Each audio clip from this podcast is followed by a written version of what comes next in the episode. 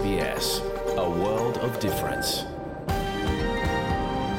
You're with SBS Serbian on mobile, online and on radio.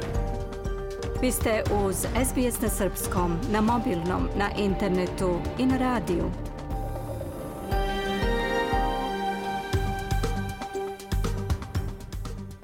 SBS odaje priznanje tradicionalnim vlasnicima zemlje sa koje danas emitujemo program na srpskom jeziku. Ovim izražavamo poštovanje prema narodu Vurunđeri Vojvorang, pripadnicima nacije Kulin i njihovim prošlim i sadašnjim starešinama. Takođe odajemo priznanje tradicionalnim vlasnicima zemlje iz svih aboriđinskih naroda i naroda sa ostrva iz Toresovog Moreuza, na čijoj zemlji slušate naš program. Dobar dan, danas je utorak, 20. februar 2024. Ja sam Nataša Kampmark. U današnjem programu niz zanimljivih i aktuelnih tema. Danas pred Vrhovnim sudom u Londonu počinje saslušanje osnivača Wikileaksa Juliana Assangea povodom žalbe na presudu o izručenju SAD-u. Dopisnik SBS-a je tim povodom razgovarao sa Stelom Assange. Prema najnovijim podacima, u Srbiji se usvaja sve manje dece, o čemu ćemo razgovarati sa našom saradnicom Mijom Nikolić. Donosimo i prilog o tome koliko su stanovnici Australije upoznati sa tim kako funkcioniše Medicare. Povodom Međunarodnog dana maternjeg jezika razgovaramo sa nastavnicom srpskog Milenom Ilišević. Ostanite sa nama, sledi pregled vesti.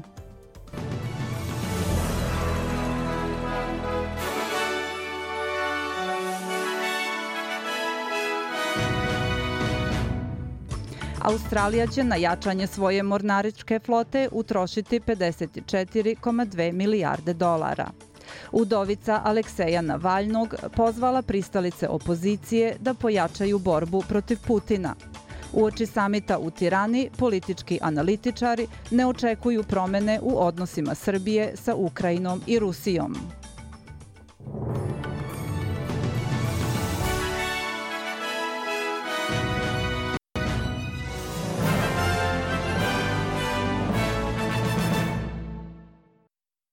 Ministar odbrane Richard Marles najavio je da će se površinska flota mornarice više nego udvostručiti, pri čemu će Australija kupiti još manjih ratnih brodova i povećati udarnu sposobnost većih. Na to će se tokom naredne decenije potrošiti 54,2 milijarde dolara. Dodatnih 11,1 milijardi dolara biće uloženo u australijsku borbenu flotu, što pokriva nabavku 11 novih fregata opšte namene. Zbog strateških okolnosti sa kojima se danas suočavamo, najavljujemo da ubrzavamo nabavku fregate opšte namene, pri čemu će prva biti u upotrebi do kraja ove decenije, rekao je ministar Marles. Bivši zamenik sekretara Ministarstva za imigraciju Abdul Rizvi kaže da je gotovo neizbežno da će doći do novih neovlašćenih dolazaka brodova u Australiju, nakon što su prošle nedelje 39 muškaraca stigli čamcem do obala zapadne Australije. I think we've got to remember we've got a very, very big coastline along the west. Upozorivši političare da pažljivo biraju reči u debatama na tu temu, Rizvi je rekao da se ne sme zaboraviti da Australija ima ogromnu obalu duž zapadne granice, da je more između Australije i Indonezije ogromno, isto kao i broj ribarskih čamaca koji izgledaju skoro identično kao brodići sa azilantima – uvek postoji šansa da se čamac ne primeti, uprkos efikasnosti naše mornarice. Jedan ili dva čamca će proći, to je gotovo neizbežno. Mislim da to jednostavno treba da prihvatimo, a ne da zapadamo u ovu histeričnu paniku, istakao je Rizvi. Skandal sa kontaminiranim malčom se iz Sidneja preneo i u Kamberu, gde je utvrđeno da se malč koji potencijalno sadrži azbest u glavnom gradu prodaje već najmanje 9 meseci.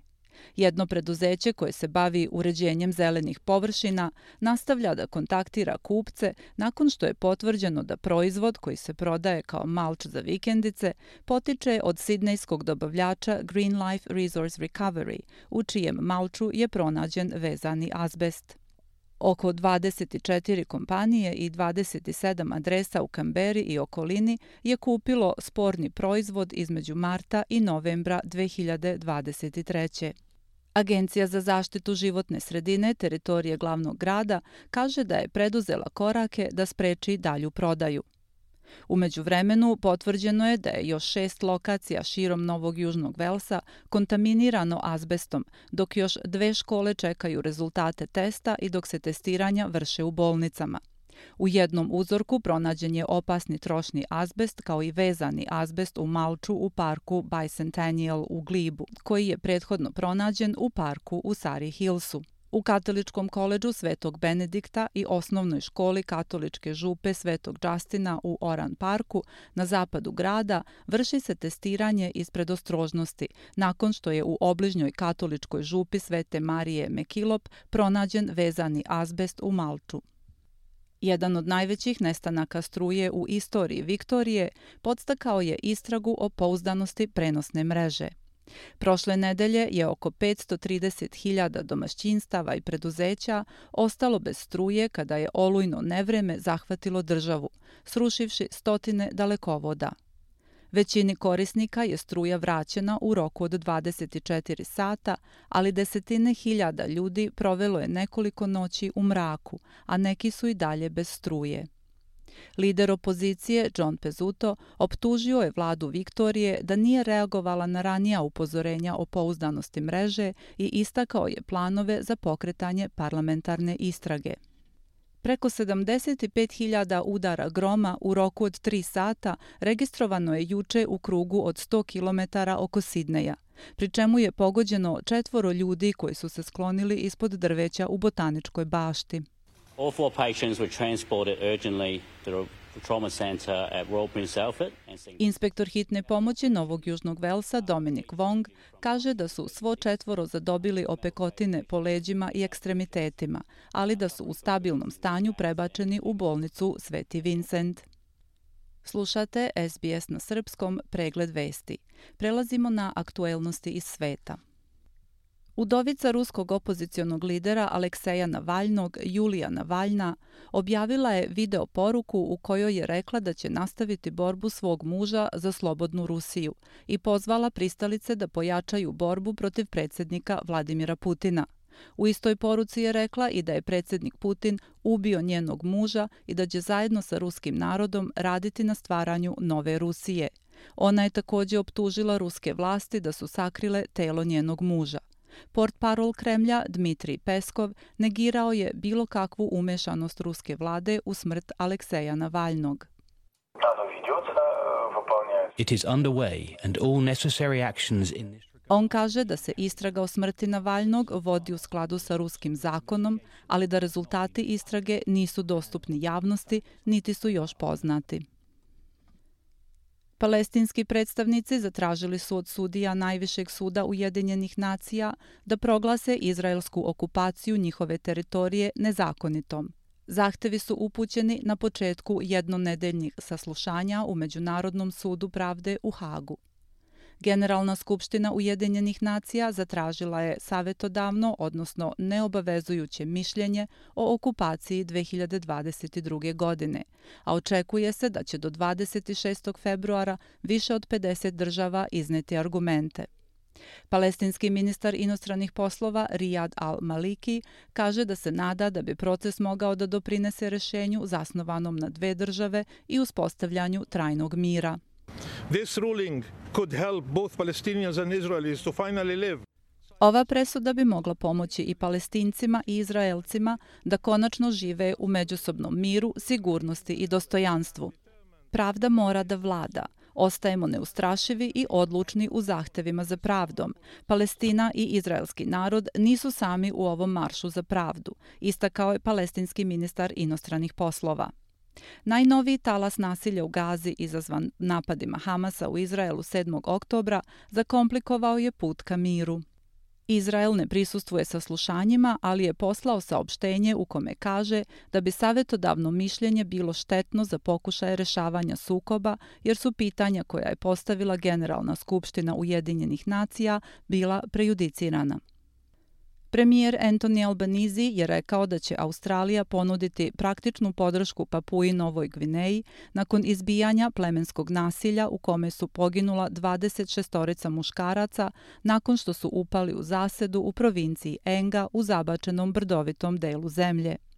Albenizi kaže da je to veoma uznemiravajuća vest. Unutrašnja bezbednost je nedavno opet postala glavno pitanje u Papuji Novoj Gvineji, jer velike sile, uključujući Australiju, nastoje da ojačaju bezbednostne veze sa tom zemljom.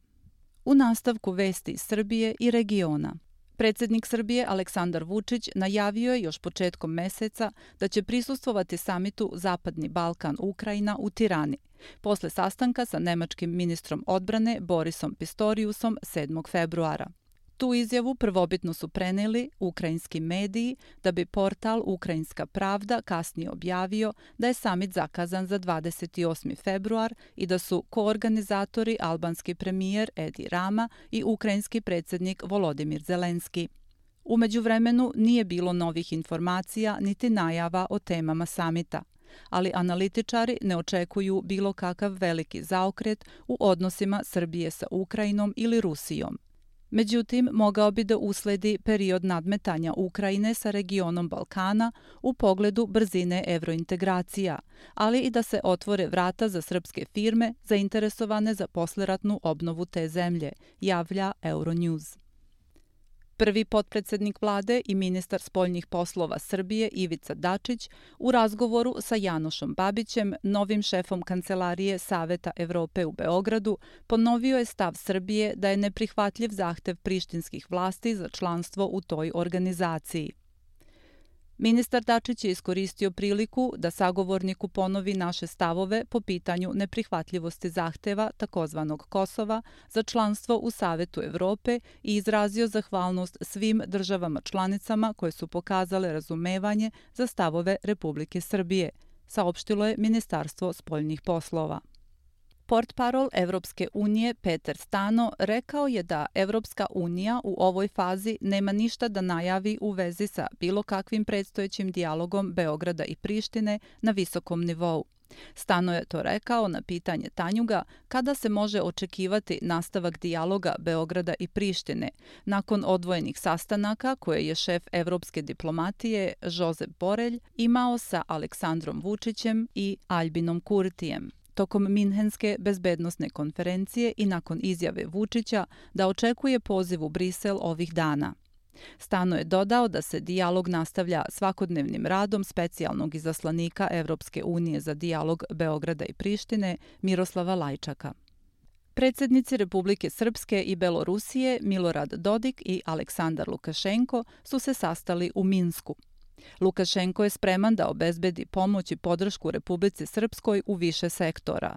Na svom X nalogu Dodik je istakao da je sastanak sa beloruskim predsjednikom bio izuzetan, kao i da je zahvalan na podršci koju Minsk daje Republici Srpskoj. U Osijeku je nastavljeno suđenje Vojislavu Mediću, nekadašnjem sudiji Vojnog suda u Beogradu. Hrvatska ga optužuje da je tokom 1991. i 1992. godine učestvovao u zlostavljanu ratnih zarobljenika u logorima kod Sremske Mitrovice i u Nišu, gde su navodi se odvođeni hrvatski vojnici. Pročitani su iskazi svedoka odbrane koji su van pretresno saslušani u Beogradu. Konstitutivna sednica Skupštine grada Beograda odložena je za 1. mart zbog nedostatka kvoruma. U sali nije bilo poslanika liste Aleksandar Vučić, Srbija ne sme da stane, Socijalističke partije Srbije i liste Mi glas iz naroda. Rok za konstituisanje Skupštine ističe 3. marta. Ukoliko se do krajnjeg roka gradski parlament ne konstituiše, vlada imenuje privremeni organ, a predsjednik Narodne skupštine je dužan da raspiše nove izbore u roku od mjesec dana, a da se izbori održe u roku od 45 do 60 dana od dana raspisivanja izbora. Lista Srbija protiv nasilja navodi da je reč o velikoj pobedi opozicije, dok predsjednik privremenog organa grada Beograda Aleksandar Šapić navodi da će pobedu od 17. decembra potvrditi ako dođe do ponovljenih izbora. Vlada Srbije je spremna da podrži inicijative koje će doprineti boljem položaju umetnika i zaposlenih, kao i unapređenju kulturnog života u Srbiji, rekla je premijerka Ana Brnabić. Predsjednica vlade razgovarala je sa delegacijama Beogradske filharmonije i Srpskog narodnog pozorišta.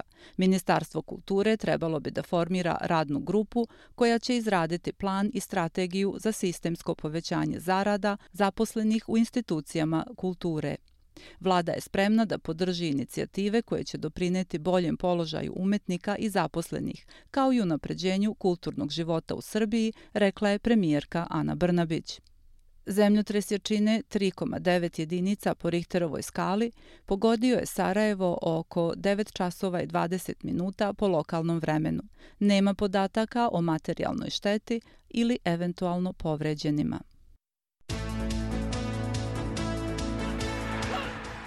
Od sportskih vesti danas izdvajamo. Muška košarkaška reprezentacija Srbije okupila se juče u Beogradu i počela pripreme za prve mečeve kvalifikacija za Evropsko prvenstvo 2025. Selektor Svetislav Pešić je za predstojeće utakmice protiv Finske i Gruzije pozvao 15 igrača, među kojima nema onih koji nastupaju u američkoj NBA ligi, kao i nekolicine povređenih košarkaša iz srpskih i evropskih klubova. U izostanku lidera tima Bogdana Bogdanovića za kapitena je izabran iskusni Luka Mitrović iz Crvene zvezde. Prvi meč u kvalifikacijama za prvenstvo Evrope Srbija će odigrati u petak u Beogradu protiv Finske, a tri dana kasnije gostuje Gruziji u Tbilisiju. Pored ova dva rivala u grupi sa košarkašima Srbije je i selekcija Danske.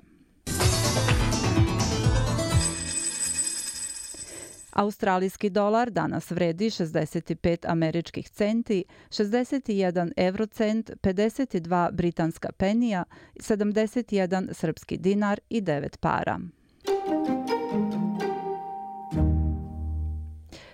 U Pertu je danas uglavnom sunčano sa 39 stepeni, u Adelaidu oblačno 35, u Melbourneu delimično oblačno sa 27 stepeni, u Hobartu oblačno vreme 25 stepeni, u Kamberi prolazni pljuskovi 25 stepeni, u Sidneju pljuskovi 27 stepeni i u Brisbaneu pljuskovi 29 stepeni, pljuskovi i u Darwinu 32 stepena. U Beogradu se očekuju povremeni pljuskovi sa maksimalnom temperaturom od 11 stepeni.